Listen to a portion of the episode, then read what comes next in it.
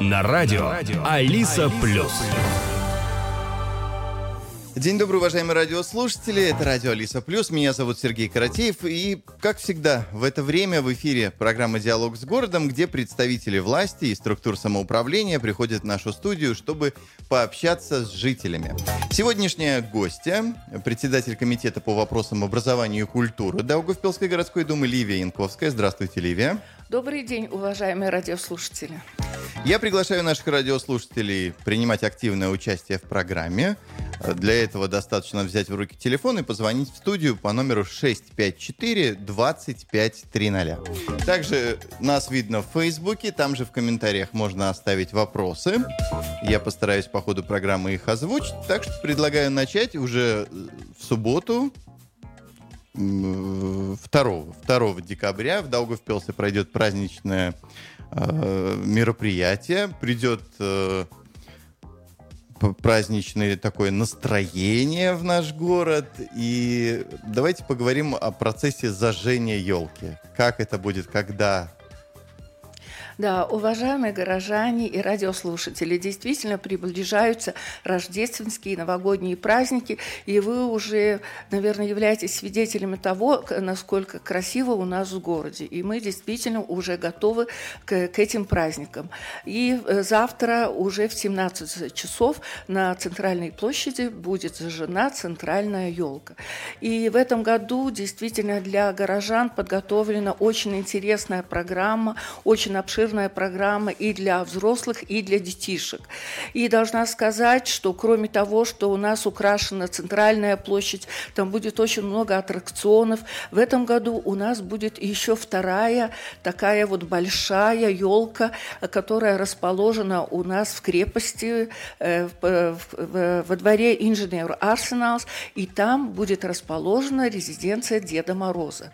И в течение полутора месяцев почти, вот завтра завтрашнего дня и до 8 или 10 января в городе будет проведено э, очень много мероприятий.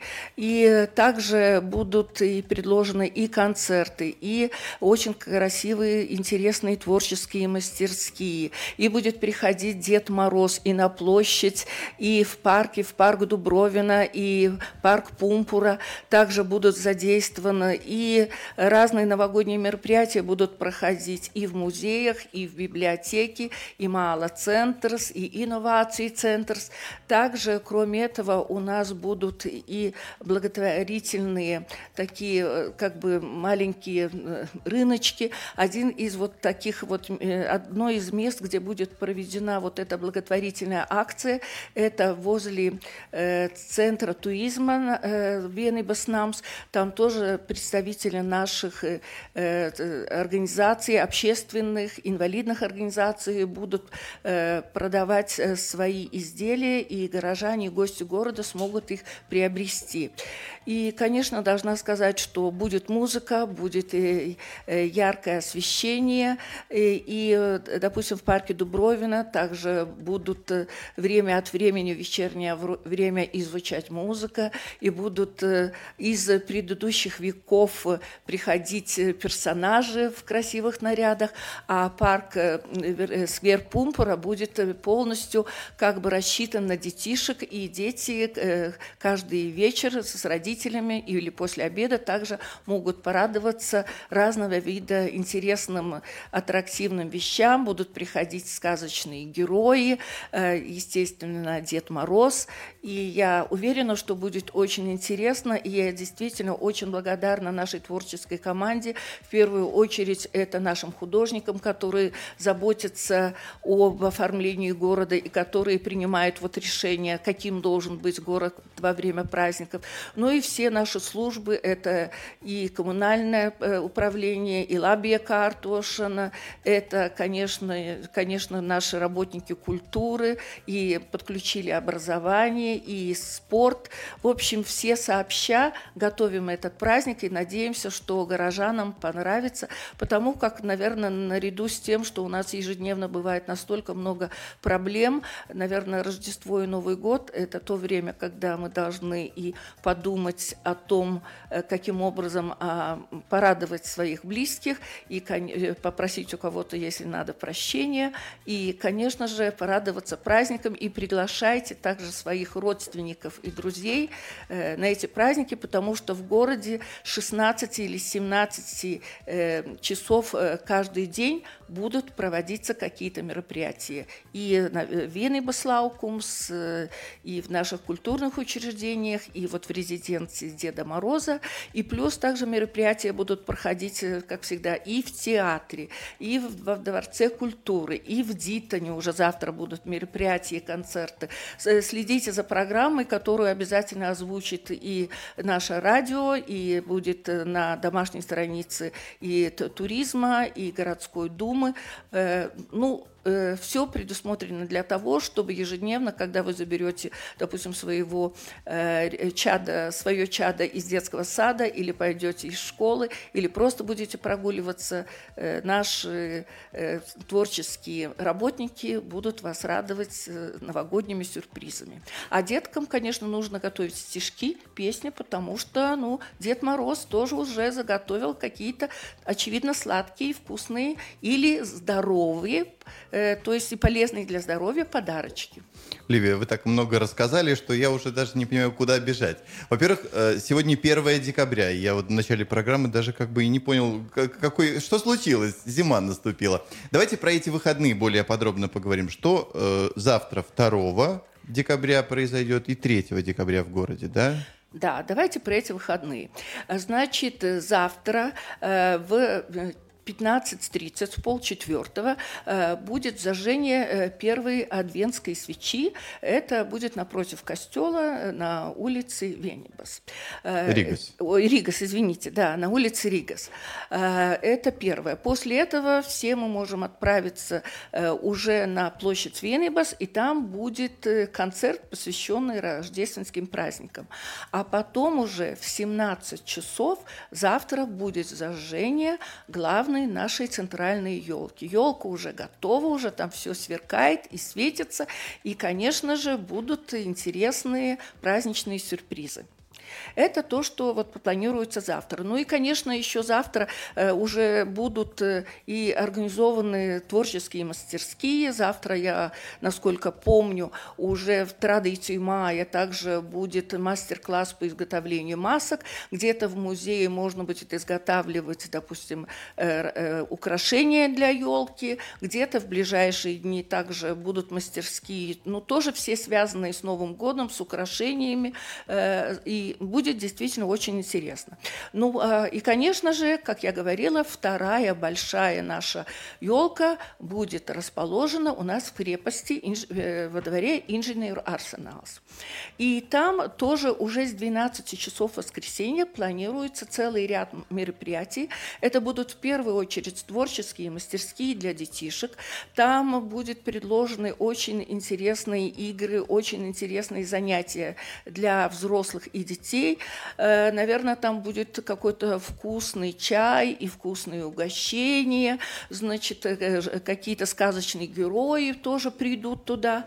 А вот уже потом в 16 часов будет зажжение тоже э, нашей елки, и, э, и поэтому приглашаю всех горожан тоже вот на открытие этой елки.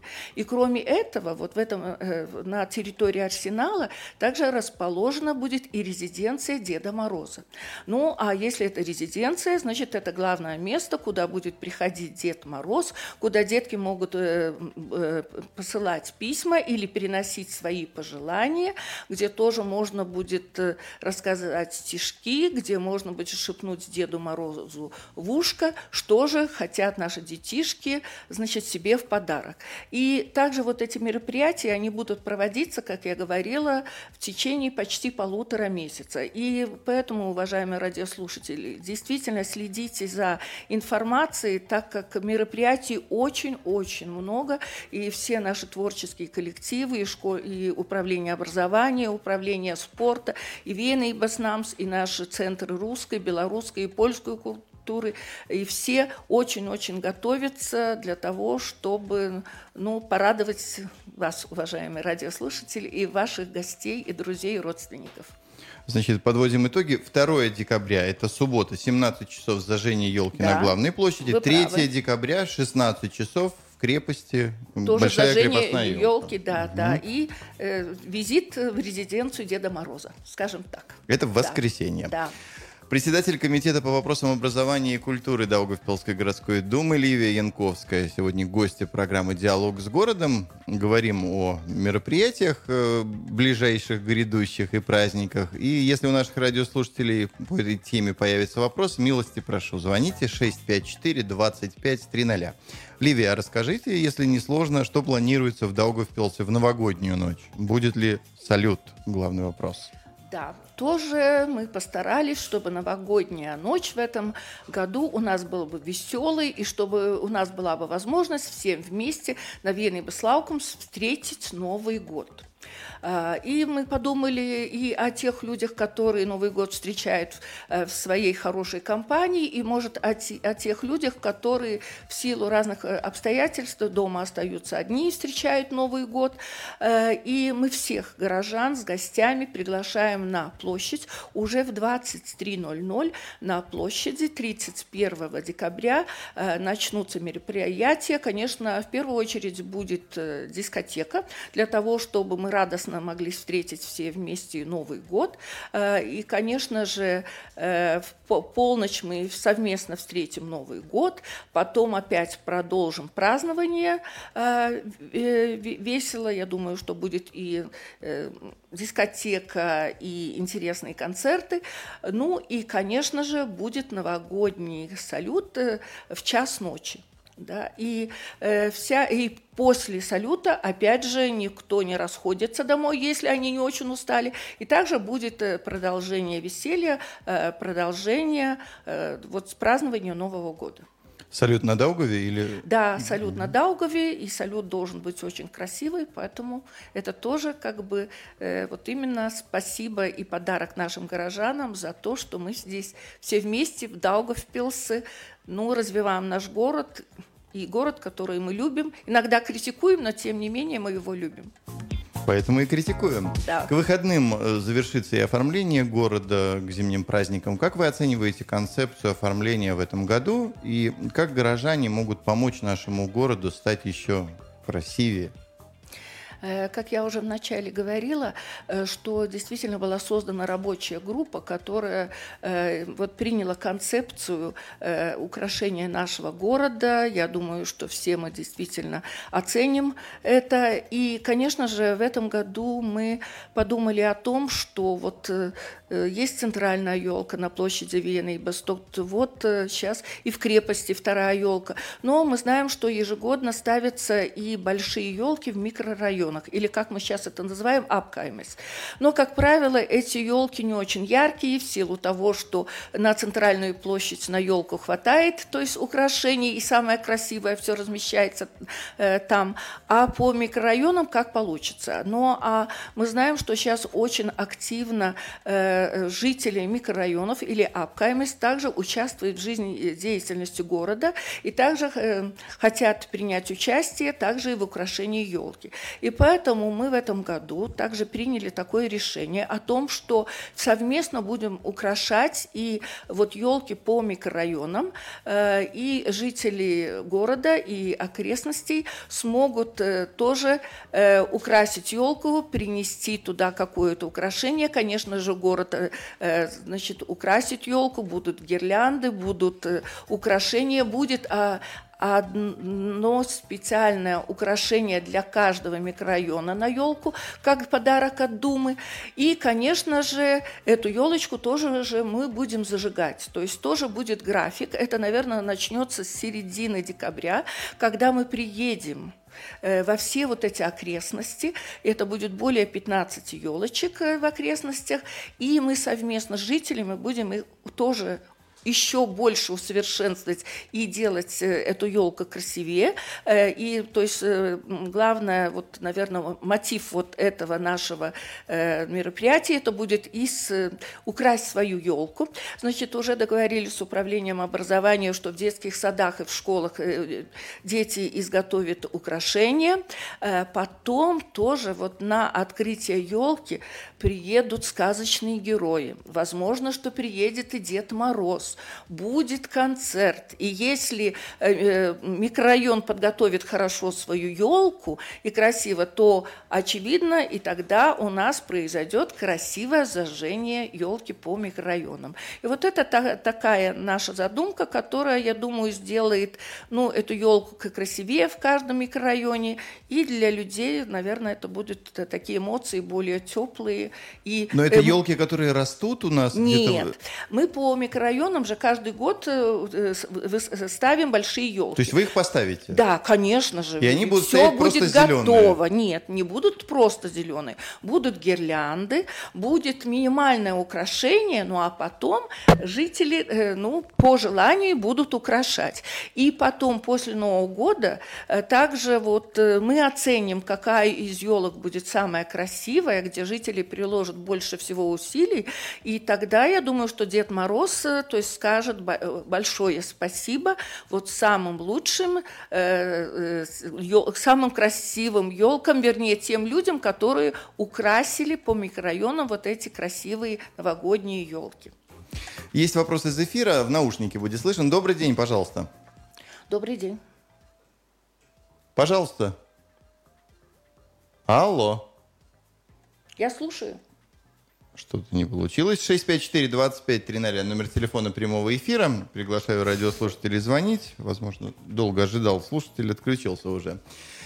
654-2530. Давайте поговорим еще про экскурсии. У нас такая добрая традиция в городе появилась э, водить экскурсии, потому что город красивый, хотим и сами себе показать, и, и гостям. Расскажите об этой традиции новой. А, да, э, я думаю, что наш туристический центр э, стал работать, э, то есть очень-очень э, энергично и предлагает много новшеств. И одно из новшеств также вот экскурсии по городу. И эти экскурсии уже были проведены э, во время э, э, ноябрьских праздников, и эта традиция будет продолжена сейчас во время Рождества и Нового года. И поэтому нашим горожанам будет возможность и гостям города, то есть также эти экскурсии посетить. Это экскурсии будет и по крепости, и по центру города, так как вы знаете, после того, когда были проведены вот эти первые экскурсии, очень много горожан сами э, заявили о том, что они с удовольствием еще посетят и другие наши туристические объекты, так как мы, как правило, думаем, что Э, э, значит, это интересно для наших туристов, для приезжих, а ведь многие горожане тоже либо не видели новые экспозиции, либо, то есть, э, давно не слушали информации об истории города, и это очень-очень интересно, и поэтому наш туристический центр сейчас это развивает, и такие экскурсии будут проводиться на многих наших туристических объектах. И горожане тоже в нашем плане работы смогут увидеть вот это предложение по туризму. А судя по рассказанному вами, в этом году в городе запланировано много новых интересных мероприятий. В следующем уже году можно ли в данном случае говорить о том, что это, этому способствовала недавняя реорганизация в сфере культуры и туризма? Э, да, я думаю, что эта реорганизация в сфере культуры, туризма и в других сферах тоже дала новый толчок. Но в первую очередь э, зачастую сейчас э, эту работу возглавляют другие люди, у которых, ну, может, другое видение. Во-вторых, также и со стороны Думы уже поставлены немножко иные задачи. И люди могут также сейчас проявлять, может, какие-то другие свои таланты, способности, потому что когда то есть реализация реорганизовывались структуры, может, менялись и функции. И сейчас, то есть мы, наверное, более широко используем знания и возможности конкретных работников. Это, во-первых. Во-вторых, значит, мы сейчас планируем и сейчас уже э, это осуществляем использование более рационально всех наших технических средств. Э, это и микрофоны, это и э, сцены, это и, э, значит, э, осветительная техника, так как когда, то есть мы более оптимизировали все эти структуры, тогда, конечно же, и мы можем спланировать деятельность всех этих наших организаций. Иначе ведь иногда было такое, что в, одно, в один и тот же день в городе проводится несколько очень интересных мероприятий, которые хотели бы люди посетить, но зачастую эти мероприятия не только в один, день, но и начинается в одно и то же время. Это мало того, что посетители не могут э, то есть, э, посмотреть и э, прийти на эти мероприятия, так еще у нас не хватает тогда сцены, не хватает оборудования, мы должны где-то арендовать, то есть это увеличивает наши расходы, а эффективность и, ну, скажем, то есть возможность для наших горожан уменьшается. И поэтому и сейчас уже, и на следующий год мы планируем общие планы и совместить и культурные мероприятия, и спортивные мероприятия. Ну, конечно, всегда будут какие-то накладки, жизнь иногда вносит коррективы, но тем не менее к этому мы будем стремиться. И я хочу сказать, да, что вот эти перемены, они, конечно, вот и дали э, э, возможность вот такую нам сделать такую очень обширную, интересную программу, потому что ну, мы работаем э, в интересах горожан, и так оно должно быть. 654-2530, номер телефона в студии. Ливия Янковская сегодня готова отвечать на вопросы горожан. Милости прошу, есть еще несколько минут в нашем с вами распоряжении. Как известно, очень многие мероприятия... Давайте возьмем телефонный звонок. Э, добрый день, пожалуйста. Добрый день. Здравствуйте. А, очень хорошо э, Ливия Янковская рассказывает нам о предстоящих праздниках, но э, нас волнуют более будничные проблемы. Я вам звоню от возмущенных жильцов дома номер 9 Пател. Наш дом не имеет тротуара. Будьте любезны, Выходим... еще раз адрес какой? Телц 9. Телц 9. Первомайка. Да, мы уже обращались во все инстанции, толку никакого.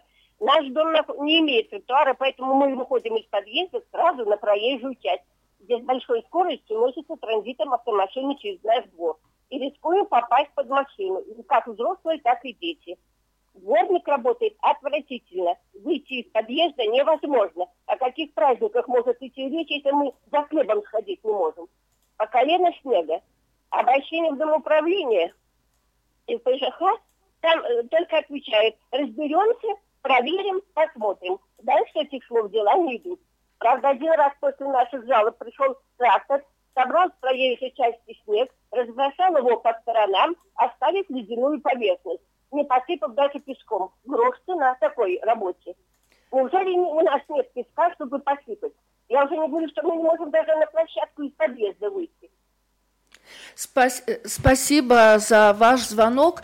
И я должна сказать, что вот перед эфиром я разговаривала с руководством коммунального хозяйства, и они уверили э, горожан в том, что э, техника снегоуборочная будет работать также и э, все выходные, и также будут чиститься и дворы, но вы сами видите, как замело наш город, да, и зима снежная, но тем не менее действительно все наши структуры должны заботиться заботиться о горожанах. Э, мы записали этот адрес и обязательно обратимся в коммунальное хозяйство за тем, чтобы обратили внимание э, на дом по вами названному адресу. Это то, что касается уборки снега. Извиняюсь действительно за доставленные неудобства всем жителям. А то, что касается асфальта, конечно же, э, также эту информацию слушают и наши городские службы, и мы этот вопрос рассмотрим. Должна сказать, что как раз сейчас готовится бюджет города, и, конечно, в, в силу возможностей мы учтем вот эту необходимость вашу. Конечно же, улицы должны быть заасфальтированы, но вы сами понимаете, что бюджет следующего года будет еще сложнее. Мы все, все понимаем, какая ситуация в мире. И, конечно же, нужно считаться с какими-то неудобствами, но тем не менее самоуправление должна да, э, да, решить эту проблему, и я сама проконтролирую этот вопрос. Спасибо за ваш звонок.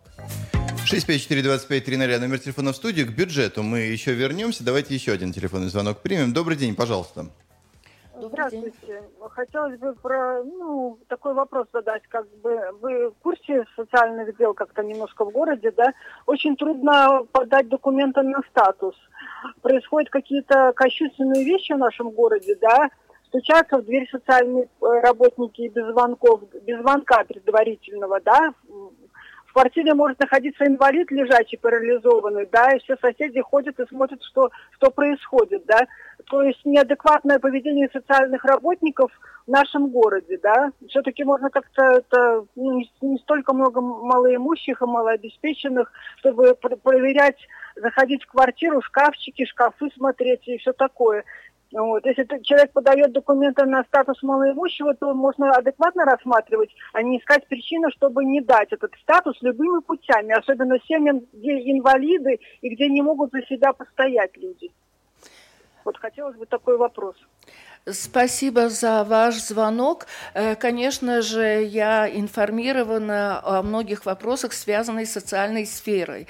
И такого не должно быть. Но должна сказать, что самоуправление выделяет достаточно финансовых средств для поддержки э, нуждающихся и в том числе людей с особыми потребностями, инвалидов. И должна сказать тоже, что у социальных работников тоже э, есть свои указания, которые они получают от Министерства благосостояния о том, каким образом они должны оценивать э, ситуацию у конкретного нуждающегося. И поэтому э, я ваш вопрос обязательно передам госпоже Герасимовой. Конечно же, мы не можем учитывать, что бывает, конечно, ну, и какой-то личностный фактор специалиста, который может ну, э, не совершенно, не очень тактично выполняет свою работу, но тем не менее, конечно, конечно, убедиться э, в ситуации каждой семьи и каждого человека социальные работники должны, но как они это выполняют, то есть на это мы обратим внимание, и, как я говорила, я передам вашу просьбу и еще раз говорю, что ну, э, эти же работники, в том числе и социальные работники, они тоже жители нашего города. Их то, они тоже учились и воспитывались, то есть у нас в городе. И вот если у них не хватает какого-то такта, наверное, то есть ну, мы вместе должны э, призвать их ну, к, к тому, чтобы они работали соответственно, чтобы э, их деятельность и действия не оскорбляли людей. Э, так не должно, конечно, быть. Еще вопрос из эфира. Добрый день, здравствуйте. Добрый день. Пожалуйста. Вот у меня такой вопрос и у многих жителей. Какой закон запрещает свободный вход пациентов в докторат Первомайки? Чтобы зайти на прием к врачу, надо вначале позвонить, что ли, на улице под ветром и дождем, и там уже стоят мамочки с детками, пока кто-то не выйдет и не откроет тебе дверь. Что это за порядки? И вторая просьба. Многие пожилые люди не имеют гаджетов, электронных страничек и, и прочей электроники. По одной причине, что нет денег, по второй причине, что не, это самое, не имеют возможности пользоваться. И единственные пути получения информации – это от Алисы Плюс и газеты «Миллион», на странице которых просим собирать, э, ну, сообщать как-то о результатах проверок на, на наших жалоб. Тем более, что владелец газеты является депутатом Думы, которого мы выбирали. Спасибо. Спасибо. спасибо за ваш вопрос. Да, спасибо за вопрос. Э, если сейчас говорим мы о докторате в Первомайке. Безусловно, то есть, э, слава богу, ковидное время прошло, и таких ограничений на данный момент, насколько я знаю, не существует. Возможно, что это специфика этого здания, да, что может там регулируется каким-то образом количество пациентов или есть какие-то другие нюансы, но я это выясню. И если мы говорим о докторате в Первомайке, конечно же, в городской думе мы этот вопрос обсуждаем и думаем, каким образом в ближайшее время все-таки улучшить условия э, пациентов, которые э, должны получать и получают услуги именно в этом микрорайоне. Но это вопрос времени, но тем не менее я уточню, почему создалась такая ситуация. Может, кто-то из работников заболел, и может... ну там могут быть разные ситуации, но тем не менее докторат должен сделать все возможное, чтобы пациенты э, действительно ну, не имели э, такие неудобства. И второй ваш вопрос, э, значит, э, конечно же, тоже э, мы в Думе э, как бы понимаем, что это является проблемой, но, э, но для этого тоже нужно Э, время, э, и мы понимаем, что вот информацию, которую вы хотите получить, э, мы должны, наверное, более широко разместить. Ну вот, как вы видите, мы приходим сейчас на радио, мы даем рекламу, и реклама, ну, вот, к примеру, о новогодних праздниках также вот будет и на Алисе Плюс, и будет размещена в газетах. Ну, а вот то, что действительно часть людей, и не только пожилых, не имеют гаджетов, гаджетов и интернета, мы это прекрасно понимаем и будем по возможности больше информации также распространять э, ну, таким доступным образом, э, так как э, почему-то, знаете, большинство чиновников думают, что вот самое для них легкое – это интернет, это, значит, какие-то смс, а вот ваш звонок еще раз подтвердил необходимость, э, о необходимости давать информацию, ну вот в таком традиционном, скажем, виде, и мы это обязательно учтем. Но немножко времени для этого надо, но это сделаем. В самоуправлении идет работа над бюджетом города на следующий год. О ну, конкретике говорить пока совсем рано. Расскажите немножко о том, какие главные мероприятия сферы культуры планируется включить в бюджет следующего года? Э, я уже немножечко затронула этот вопрос, и говоря о том, что мы действительно попытаемся сделать общий план мероприятий которые будут проводиться в следующем году. В первую очередь это для того, чтобы э, для наших горожан подготовить очень интересную культурную и спортивную программу и, может, программу отдельно для нашей молодежи. Э, и, конечно, мы думаем, как эффективно использовать наши существующие материально-технические средства, что мы должны закупить для того, чтобы проводить мероприятия. И, конечно же, думаем и о наших ресурсов, чтобы настолько многие... У нас очень много творческих коллективов, очень много талантливых людей, но мы зачастую приглашаем только приезжих, считаем, что ну, как бы кто-то э, мнимо считает, что все они гораздо лучше наших талантливых и, и работников культуры, э, и исполнителей. Это не всегда так. И, конечно же, э, составляя бюджет, мы будем учитывать все эти нюансы и, конечно, будем учитывать и то, э, что ну, финансирование в следующем году, оно не будет больше этого года. Ну, а учитывая инфляцию, учитывая ряд событий, конечно же, как я говорю, мы должны более оптимально используясь наши средства. Ну а если говорим о мероприятиях, ну, наверное, самое такое большое мероприятие в начале следующего года это будет музыкальный банк, который будет проводиться в конце января. И еще тоже хочу сказать, что уже по традиции наша центральная елка тоже на площади будет находиться до вот этих мероприятий музыкального банка для того, чтобы э, многие гости, которые приедут на эти концерты, также могли бы э, увидеть э, наш город вот в таком новогоднем убранстве. Конечно, не, не все украшения будут до, декаб... до января месяца, но тем не менее. Ну и, конечно, все традиционные, уже полюбившиеся нашим горожанам мероприятия, фестивали, конкурсы, это все будет проводиться. Основную организацию, конечно, будет осуществлять Вена и Беснам совместно с нашим, как я говорила, культурными центрами. Дальше, конечно же, и культура с Пилс, там тоже будут целый ряд мероприятий, и также очень много, как я говорила, и на Новый год, и потом последует, то есть запланированные уже концерты и мероприятия, это и театр, это и музеи, все будет происходить. Конечно, что-то будет обновляться, будем переоценивать какие-то уже традиционные мероприятия, насколько они востребованы, насколько интересны, для какого количества жителей они ну, как бы могут быть очень ну, интересны, необходимы, и уже которые мы привыкли посещать традиционно в течение, может, даже десятилетий. Ну, новые веяния тоже будут, но я считаю, что хуже точно не будет, должно быть интереснее.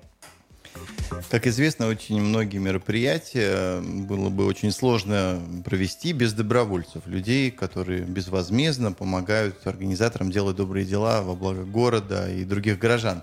Последнее время количество людей, которые готовы действительно активно участвовать в жизни города, растет, судя по информации.